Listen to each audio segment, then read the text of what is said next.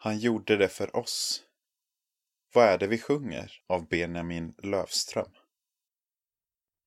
Han gick den svåra vägen upp till Jerusalem. Han gick med sina vänner som skulle svika honom snart.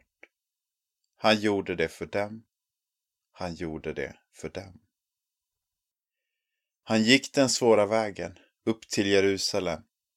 Där blev han slagen, hånad och törnekrönt av fienden. Han teg och led för dem. Han gjorde det för dem. Han gick den svåra vägen. Han bar sitt eget kors. Han bad, min Gud, förlåt dem. Han led och dog på Golgata. Han gjorde det för oss. För alla och för oss. Britt G. Hallqvist Under hela min tid som kristen har jag gillat nyare lovsånger.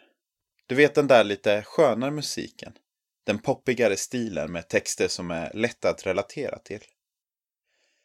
Men de senaste åren har jag mer och mer fått inse att det där tråkiga salmerna vi sjunger i kyrkan faktiskt kan ha stark och gripande musik och text.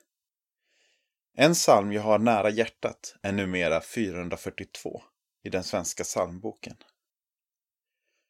I den här salmen får vi sjunga om Jesus och hans väg upp till Jerusalem, när han, medveten om vad som väntade, gick mot sitt lidande. Där blev han sedan sviken av sina vänner. Han blev torterad och hånad och till slut blev han korsfäst och dödad. Men detta är inte huvudpoängen i salmen. I slutet av var och en av de tre verserna återkommer man till att Jesus gjorde detta för andra. För sina vänner, för dem som torterade och hånade honom och slutligen för allas skull. Han gjorde det för oss. År 2013 var jag i Rom med en konfirmandgrupp och firade gudstjänst i en svensk kyrklig församling där nere. Vi började sjunga just den här sången och jag hade aldrig hört den innan.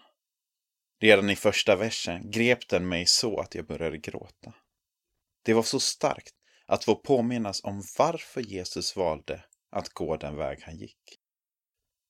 Han gjorde det för oss. Man kan kanske tycka att det är trist med sorgliga och klagande sånger i en gudstjänst. Men då får man påminna sig om att i Bibelns egen bönbok, Saltaren, är ungefär två tredjedelar av texterna klagosånger. Där de som skrivit texterna sörjer och lider inför Gud. Sång i kyrkan har inte som syfte att göra oss glada och positiva. Det har som syfte att påminna oss om sanningen om Gud. Och det finns inte något bättre att bli påmind om än detta. Han gjorde det för oss.